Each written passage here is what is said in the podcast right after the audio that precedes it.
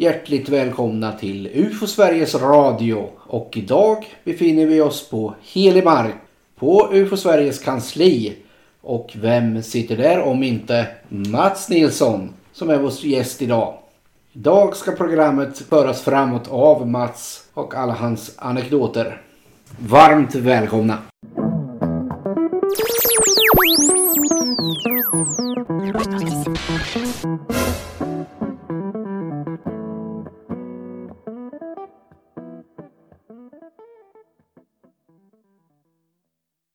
God dag, god dag Mats. God dag, god dag. Vi kanske inte ska börja i Big Bang, men vi ska börja väldigt tidigt. Ja, det tycker jag. Vi, vi börjar på en gång med. Hur långt tillbaka i tiden vill du gå?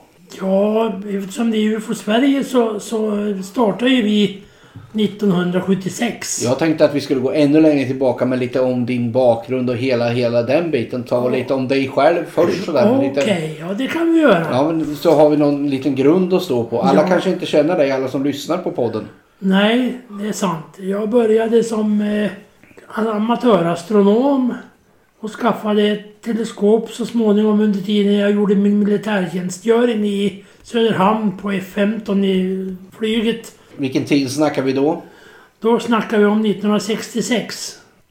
När jag kom hem ifrån militärtjänstgöringen så eh, gick det fram till 1967 när våran familj iakttog någonting på himlen som vi inte kunde förklara. Och eh, samtidigt ungefär så fick vi se en annons i våran lokaltidning där det stod att man skulle anmäla sina UFO-rapporter. Och vi skrev dit och fick svar. Och eh, det jag tyckte var intressant då att det svar jag fick när vi beskrev vad vi hade sett på himlen fick vi ett direkt brevsvar att vi hade sett farkoster ifrån planeten Venus på besök. Ja, var, var bodde ni då? då? Då bodde vi ungefär en och en halv mil eh, öster om var vi bor nu. Ett, eh, ett ställe som heter Heby utanför Sala. Att jag varit väldigt fascinerad och tyckte att det var jättespännande vad jag sett. Farkost från Venus? Ja, det, Ja. det var väldigt fascinerande och intressant Men, faktiskt. men er beskrivning var väldigt eh, utföra, utförlig då eftersom, Den de, var kunde- väldigt utförlig. eftersom de kunde veta att det kom från Venus. Och det var flera för vi... Jag, jag sprang till grannen och, och, och knackade på hans dörr och de var också ute och, och såg det här. Och det påtalade jag för, för eh, den här gruppen i Stockholm. Så, som eh, hade haft den här annonsen inne då. Och då fick vi veta då direkt utan utredning att det var venusianer som var på besök. Och då var man ju ung och grön och tyckte att det var jättespännande. Och sen, sen eh, fick jag förfrågningar om vi ville bli antagna som, som medlemmar och jag skulle bli distriktansvarig Och det fick du direkt på grund av det här brevet alltså? Ja, efter en viss kommunikation som vi hade per brev. Och, och det var väldigt anonyma brev. Det stod bara eh, undertecknat ABC. Och, eh, jag tyckte det var väldigt spännande och sen så småningom så skulle, skulle de ge sig till känna. Då visade det sig att de kunde tyvärr inte komma. Deras bil hade pajat. Rymdvarelser hade setts i anslutning till deras bil. Vilket tyder på att det var inte moget för en kontakt ännu. Och det var de här ABC. Det var de där ja. Så breven fortsatte ett tag. Du visste fortfarande inte vilka de var? Nej, de? Nej, nej. ingenting om personerna. Sen så småningom så eh, fick jag förfrågan om att bli distriktsansvarig för ett visst område. Som var hela Mellansverige. Men du visste vad för vad du skulle bli distriktsansvarig? Ja, jag skulle bli ansvarig för att eh, ta emot rapporter och vidarebefordra till det här ABC-gänget i Stockholm. Som så småningom bytte namn till IGF. Som visade sig betyda Intergalactic Federation. Då hade du redan fått reda på vad ABC betyder då? Det var, jag kommer inte ihåg nu riktigt vad det var, men det var någonting med Association Brotherhood Corporation. I alla fall, jag accepterade det här och tyckte att det var jättespännande att få bli involverad i någonting som jag hela livet hade varit intresserad utav. Det slutade med att jag skulle få ett uppdrag. Så småningom, du kommer att få ett brev, sa de.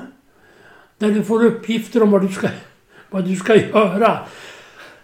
Och mycket riktigt efter några dagar så kom det ett brev med instruktioner vad jag skulle göra. Då var det massa adressuppgifter och eh, frimärken.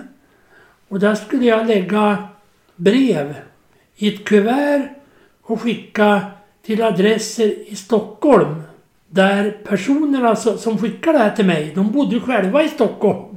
Så jag började tycka att det där var, det var väldigt undligt. Varför ska jag skicka brev ifrån mig till Stockholm när de som skickar det till mig sitter i Stockholm och kan själva skicka det till de som, som ska ha breven. Och det är väldigt avancerat. Ja, det var avancerat. Så sen ifrågasatte jag det här och sa att jag tänkte att jag skulle få ett riktigt uppdrag. Det skulle komma inom kort. Och inom kort så fick jag ett brev där det var ytterligare samma funktion. Jag skulle skicka brev till olika instanser. Som de flesta fanns då återigen i Stockholm. Det där pågick väl ett kommunikationen pågick väl och det övergick i telefonsamtal.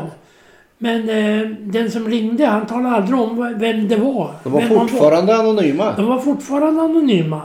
Sen så småningom så kom det ett brev där det stod eh, undertecknat ett tecken och så stod det Sten. Det var det enda som stod. Ja, då hade vi kommit ett, eh, en bit på väg mot vem det möjligen kunde vara då. Men det visste jag ju liksom inte. Det här pågick ända till 1969, pågått ett helt år alltså. Och 1969 då skulle de verkligen komma och hälsa på. Vilket de också gjorde. Och jag frågade när de kom, för jag väntade och tittade i fönstret och såg att de kom gående. Jag tänkte, ja, så ni har eh, tagit tåget och gått hit? Nej, sa de när, de när de kom in och vi hade hälsat. Vi vill inte avslöja vart vi skulle så vi placerade bilen i ett annat kvarter. Jaha, tänkte jag.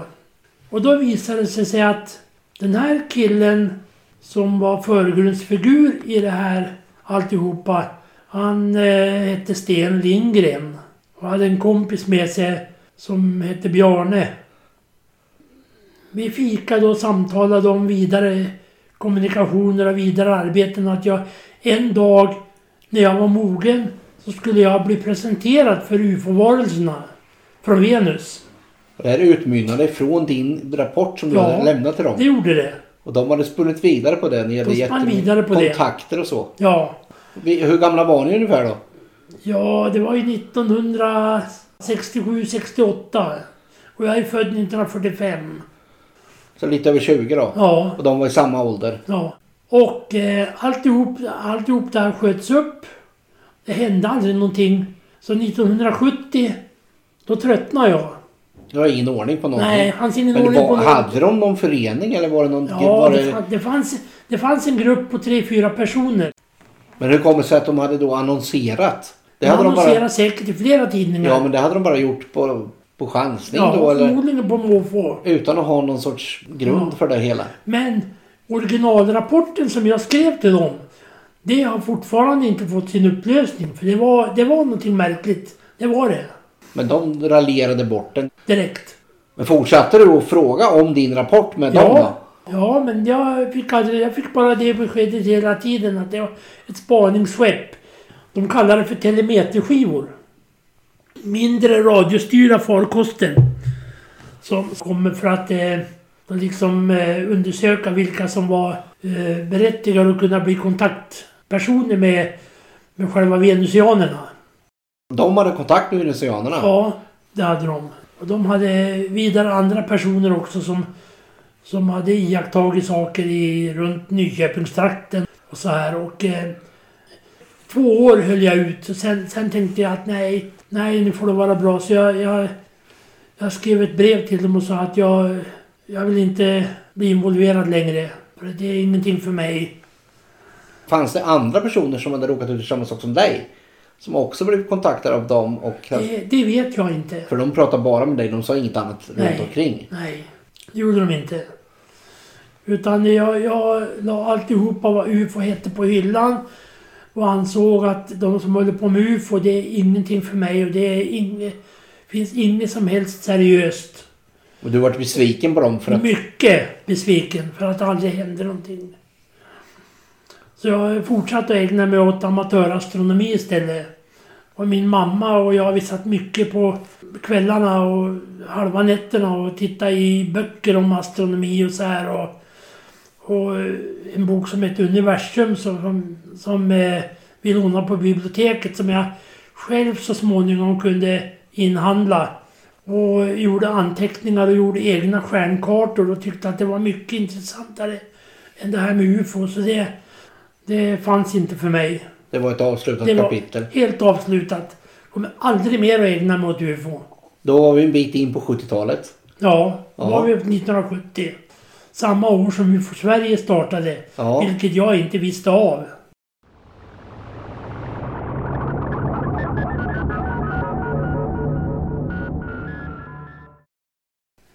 halvår senare kom posten och jag låg hemma i hammocken.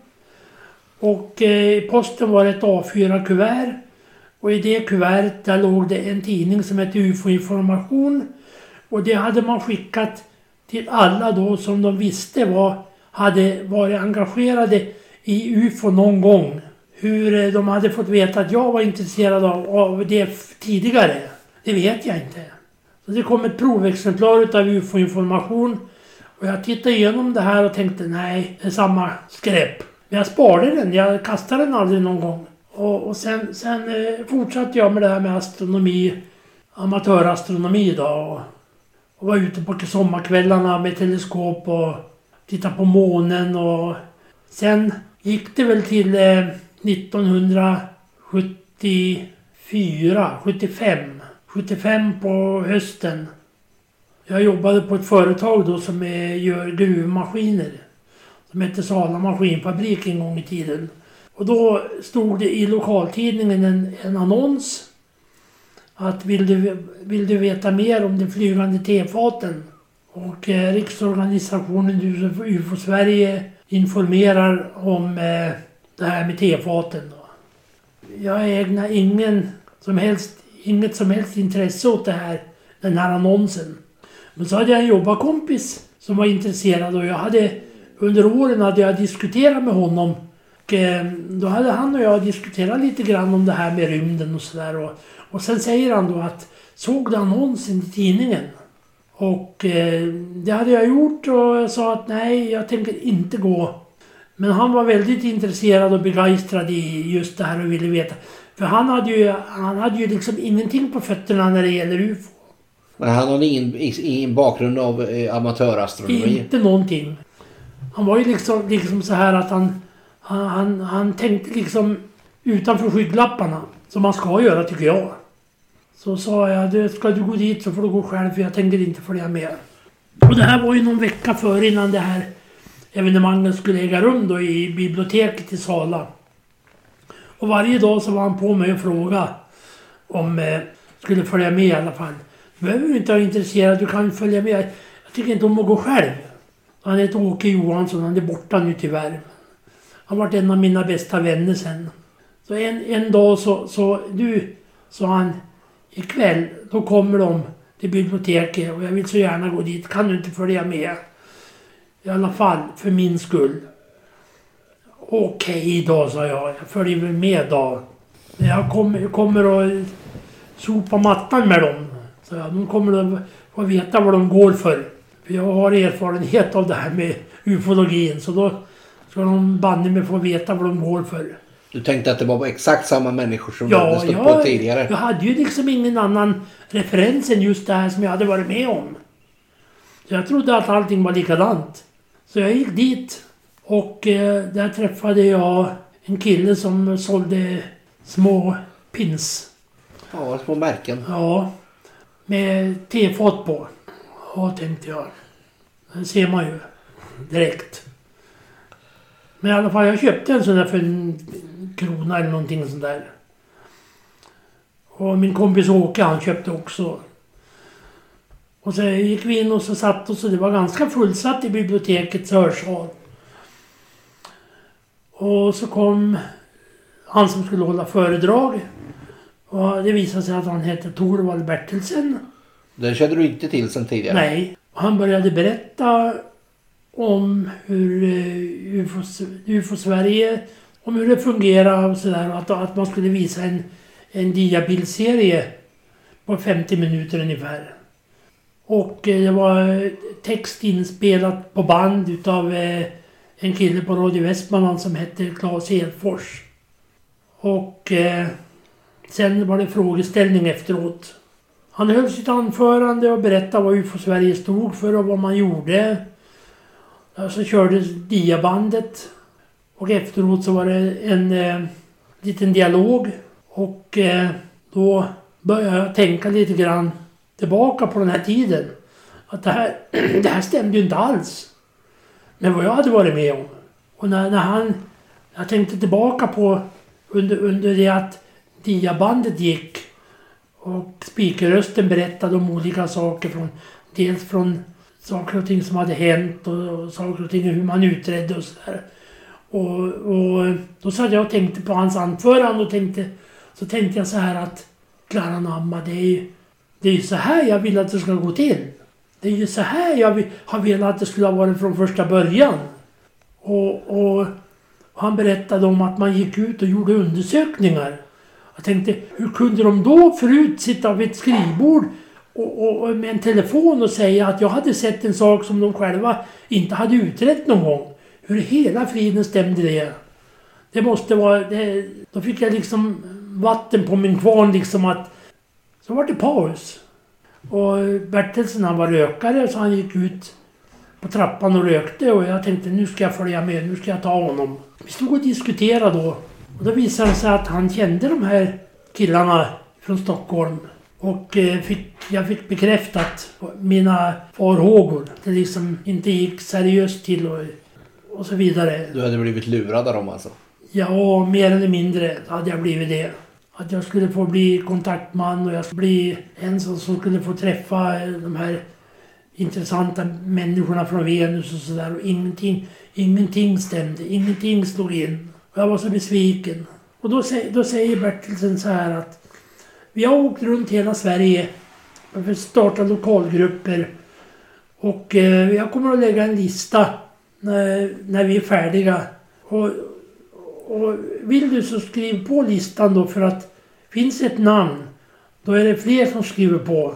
Och är det en tom lista där, då är det inget också som törs skriva på, sa han. Så att, så att eh, jag skrev på mitt namn direkt. När eh, alltihopa var färdigt, föredragen var slut och så sa han då liksom att den där listan skulle jag ta hand om då. Och det visade sig att det var 20-tal namn som hade skrivit upp sig, som var intressenter för att starta en förening, vara med och starta en förening. Om det blir en förening av det här, sa han, så ska jag göra dig till ordförande. Du har ju liksom inblick i det här. Och eh, så blev det. Och så hade vi kommunikation på telefon, Bertilsen och jag. Varje vecka pratade vi med varandra. Mina farhågor för att det var samma som det jag hade varit med om tidigare. De falnade vart efter och det vart mer och mer intressant igen. Men du var skeptisk ett tag där i början? Jag var det i början, ja. Så jag tänkte, fasen jag ska, jag ska nog försöka samla ihop de här personerna och, och, och ordna en träff. Din kompis där då? Han vart jättebegeistrad att jag vart intresserad igen. Ja. Så han bara, ja, han menar liksom det. Vad var det jag sa? Det var roligt att du följde med. Och, och blev intresserad då. Så där, och han visste ju min bakgrund. Jag hade ju berättat för honom då. Så, så eh, 1976 någon gång, jag tror det var i februari. Då hade vi vårt första eh, informationsmöte med de här intressenterna som hade skrivit på listan. Samtliga kom på det här mötet. Det vart eh, beslutat då att vi skulle starta en, en förening. Så jag ringde glad till Bertelsen och sa att nu finns det en förening i Sala. Och vi skulle hålla på med mera saker än bara UFO. För det var, det var många som var intresserade utav paranormala saker. En del var intresserade av spökerier och sådär. Så vi beslutade oss för att vi skulle heta Sala Amatörförening för tvärvetenskap. För att då, då, vi, då talar man om dels att man var amatörer och dels att det inte bara var UFO utan att det var ett tvärsnitt utav, utav tvärvetenskap alltså. Och det gjorde att, att eh, det vart skriverier i tidningarna. Lokaltidningen då. Ni gick till dem och talade om det? Det eller? gick vi att tala om. Ja, ja, ja. Det. Naturligtvis. Vi måste ju få så många medlemmar som möjligt. Och tidningarna de hakar på. Ja, de gillar ju sånt där. Och så tog jag kontakt med, med mannen som hade talat in bandet med UFO-filmen, Claes Edfors, på Radio Västmanland. Och det visade sig att han, han var ju intresserad också. Därför hade han ställt upp och gjort det här för, för Köpings UFO-förening. Där centralgruppen låg ju... När man, när man startade UFO Sverige låg centralgruppen i Motala. Med Karl-Axel Jonsson som, som ordförande. Och sen så småningom så vart Torvald Bertelsen ordförande och centralgruppen hamnade i Köping. Det slutade med att Claes Edfors, han vart våran kontaktman inom radion. Så att honom kunde man kontakta vad det än gällde när det var någonting som inom, inom eh, ufologi samt andra saker. Han och jag gjorde till exempel, så jag är intresserad utav countrymusik då, så han och jag gjorde radioprogram om countrymusik också. Det var en suveränt bra kille att ha som kontaktman inom radion. Idag fungerar det ju lite annorlunda med det här med UFO Sveriges styrelse och så. Hur kan du förklara det här med hur det funkade med centralgrupperna? Ja, centralgrupp det var ju då liksom eh, den gruppen som skulle styra då övriga UFO Sveriges lokalgrupper. Och sen, sen så småningom så, så vart det ju mera så här att centralgruppen vart mera... det vart mera istället styrelsen för UFO Sverige. Och eh, jag tycker det är mycket bättre än en centralgrupp.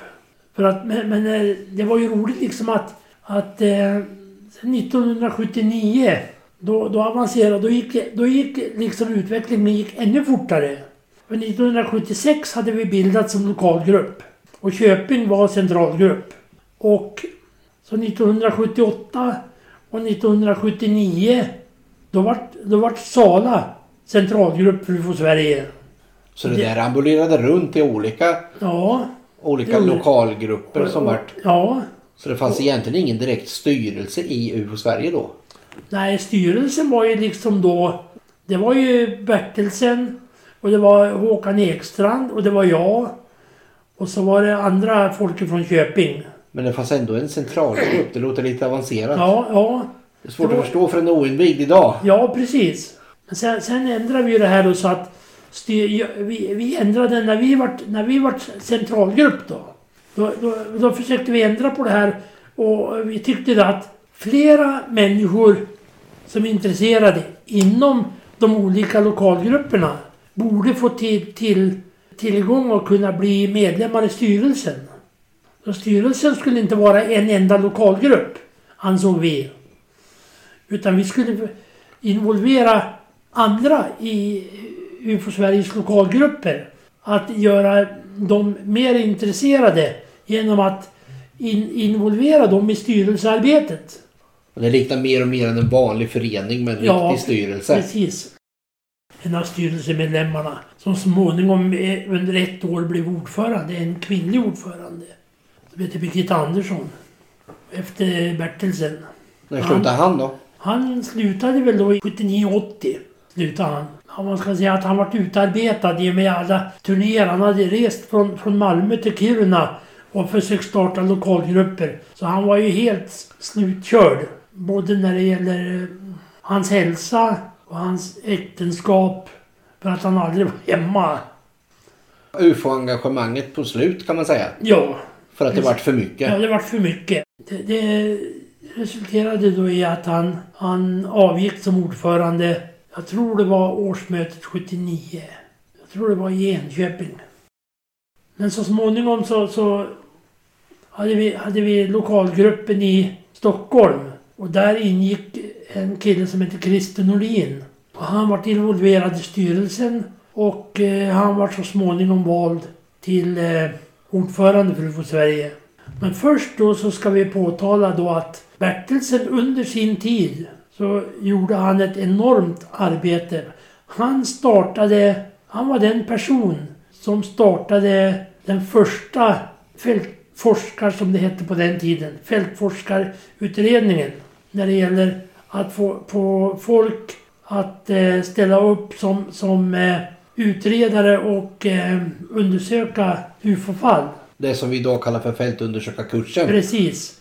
Det startade han 1977. Och jag var med och eh, var medarrangör tillsammans med Håkan. Och eh, idag skriver vi 2019 och 2018 hade vi den senaste kursen. Och jag har missat en enda kurs sedan 1977. Och det var det året jag fyllde 60 år. Det var precis den helgen. Då fick du dispens. Ja. Var, vi var med på, på fredagsmiddagen. Min dåvarande flickvän Serbo och jag. Vi var inbjudna då till eh, Barkenkonferens i Dalarna. Där vi hade kursgården då. På, på eh, den gemensamma middagen. Och sen åkte vi hem för att fira min 60-årsdag. Annars har jag varit med på alla kurser. Det är imponerande.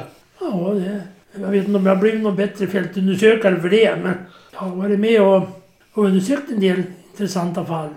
Bland annat sädescirkelfall och sådär. Som har haft här i Sala bland annat. Men när började det här med den här... Du säger att han startade, han startade kurserna 77. Ja, Hade ni börjat utreda fall redan innan det eller? Hur, hur, vad, vad försiggick inom föreningen då? Särskilt den här tvär- tvärvetenskapliga föreningen ni hade. det började så här att eh, Köpings UFO-förening som var centralgrupp. De var även rapportcentral. Och det gjorde ju att det vart ett enormt merarbete.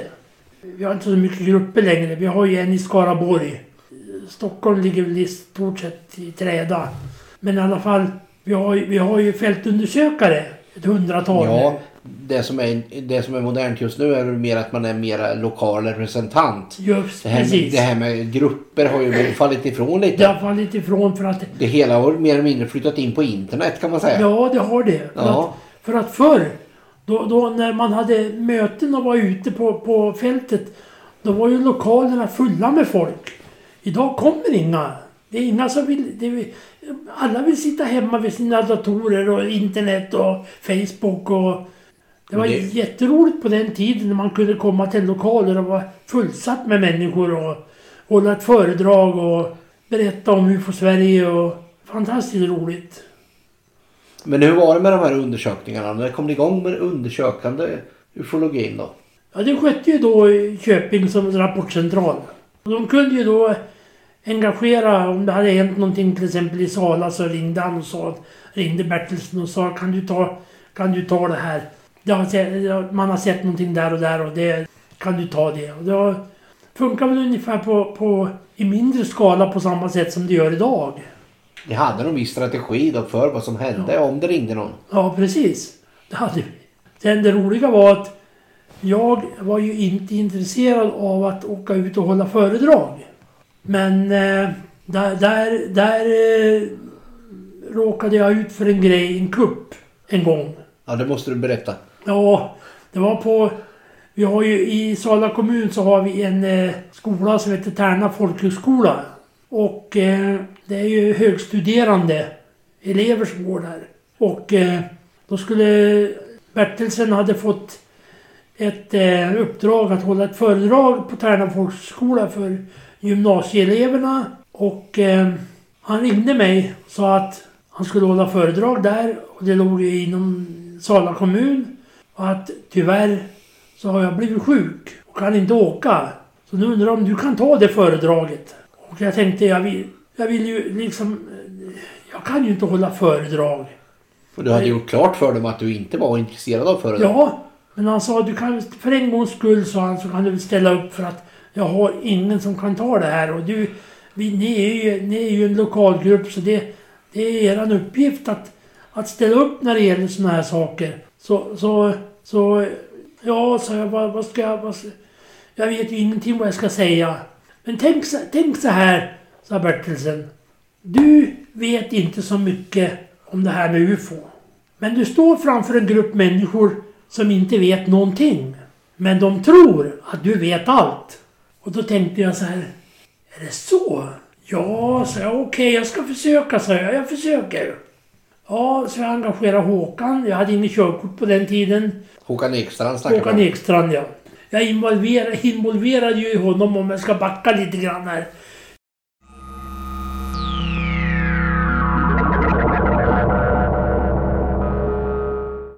Början på 60-talet redan så hade det kommit ut böcker utav George Adamski om Resan med flygande tefat ombord på rymdskepp, hette de böckerna. De hade jag lånat på biblioteket och Håkan var släkt med bibliotekarien i Heby. Och jag tyckte det där var så fascinerande. Och Håkan och jag var skolkamrater. Inte i samma klass men vi har kampat tillsammans i 50 år. Han lovade läsa böckerna för han var inte intresserad egentligen. Men han läste de där böckerna och, och läste flera böcker och, och sen, sen sa han liksom så här att det är konstigt att amerikanerna, om man läser om dem och UFO, UFO-fall, så lägger de ner miljoner dollar på att försöka förklara bort det här. Det är konstigt, det måste finnas någonting bakom där. Och det, det, på det viset så vart Håkan intresserad. Så han, så han och jag varit liksom parhästar här då. Och är fortfarande, efter 50 år.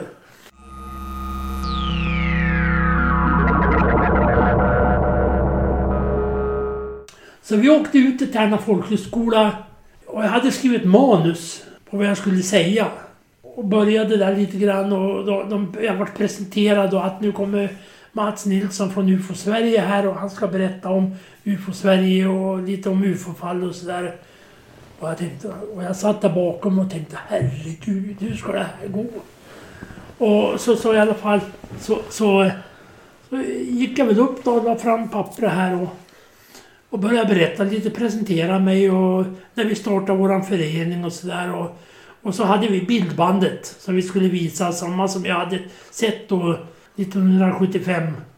Och eh, gjorde bara en, en, snabb presentation och tänkte må det gå fort som sjutton så jag slipper det här. Och så körde bildbandet. Och, och, när jag eh, gjorde den här introduktionen så stod jag och läste på lappen ibland och då hade, då hade Bertelsen förklarat för mig att man ska titta längst bort i lokalen.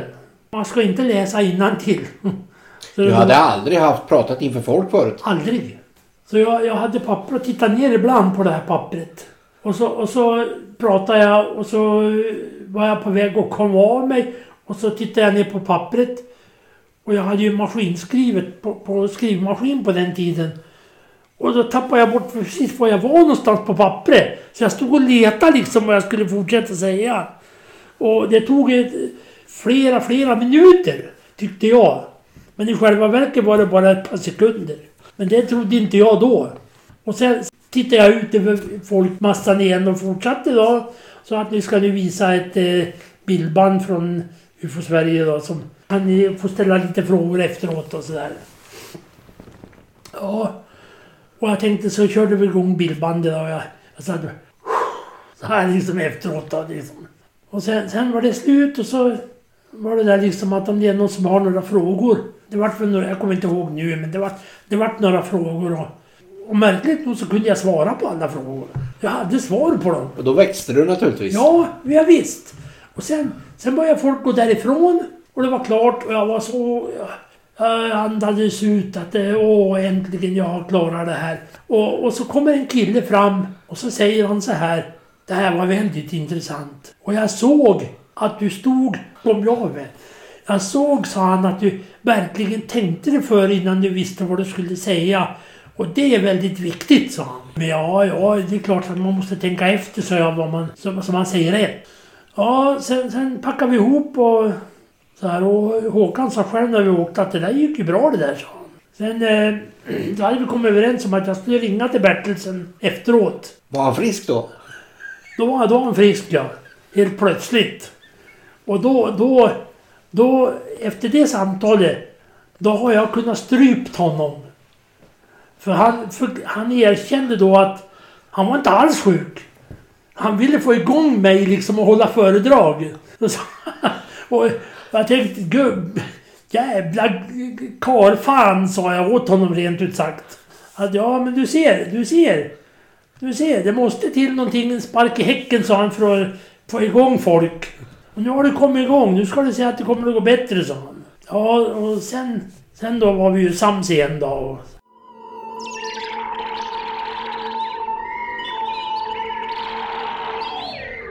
Så gick ju tiden vidare och UFO Sverige blev efter eh, 1979 då, då visade det sig att det var lite problem inom UFO-Sverige. Det vart riktiga problem. Det var, det var det här med tidningen UFO-information och prenumeranterna. Alltså det som var droppen.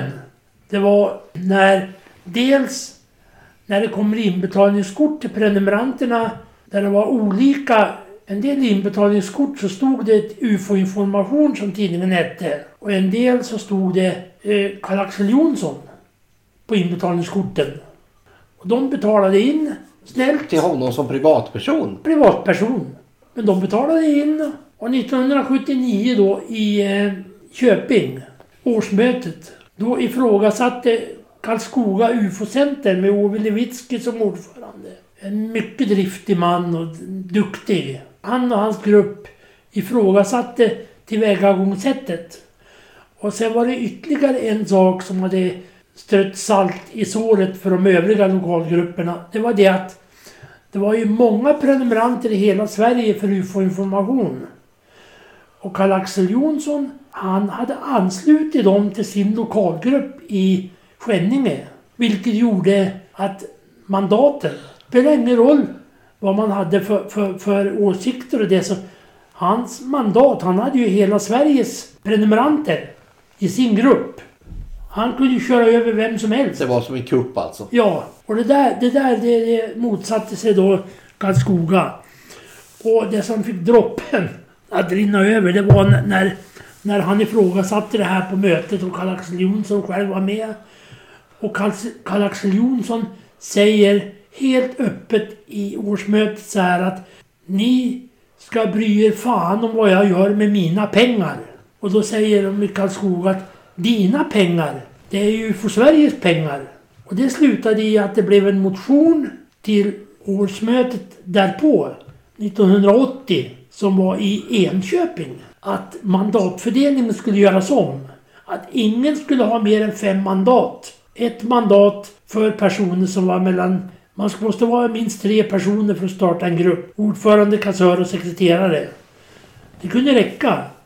Då hade man ett mandat. Hade man till ett större antal, om det var fem personer, då hade man två mandat. Ingen kunde någonsin ha mer än fem mandat. Och det betyder ju då att om Skänninge info, UFO-information hade fem mandat och det var till exempel då de andra mandaten rösta emot. Då var ju de över fem mandat och kunde, och kunde det har varit mer rättvist. Och det resulterade i att eh, jag hade, varje dag hade jag telefonkontakt med Karl-Axel Jonsson. Och, eh, förklarade för honom att, att eh, han, han ville väl att vi skulle återta motionen. Det kan man ju inte göra. Det är ju, vad heter det, stadgebrott. Och, och jag sa, det kan vi inte göra Jag tycker du ska komma till Enköping och eh, ge din version av det hela och, och försvara dig. Nej, det tänker jag inte göra, sa han. Jag tänker inte komma. Men du ska få se hur det kommer att gå, sa han.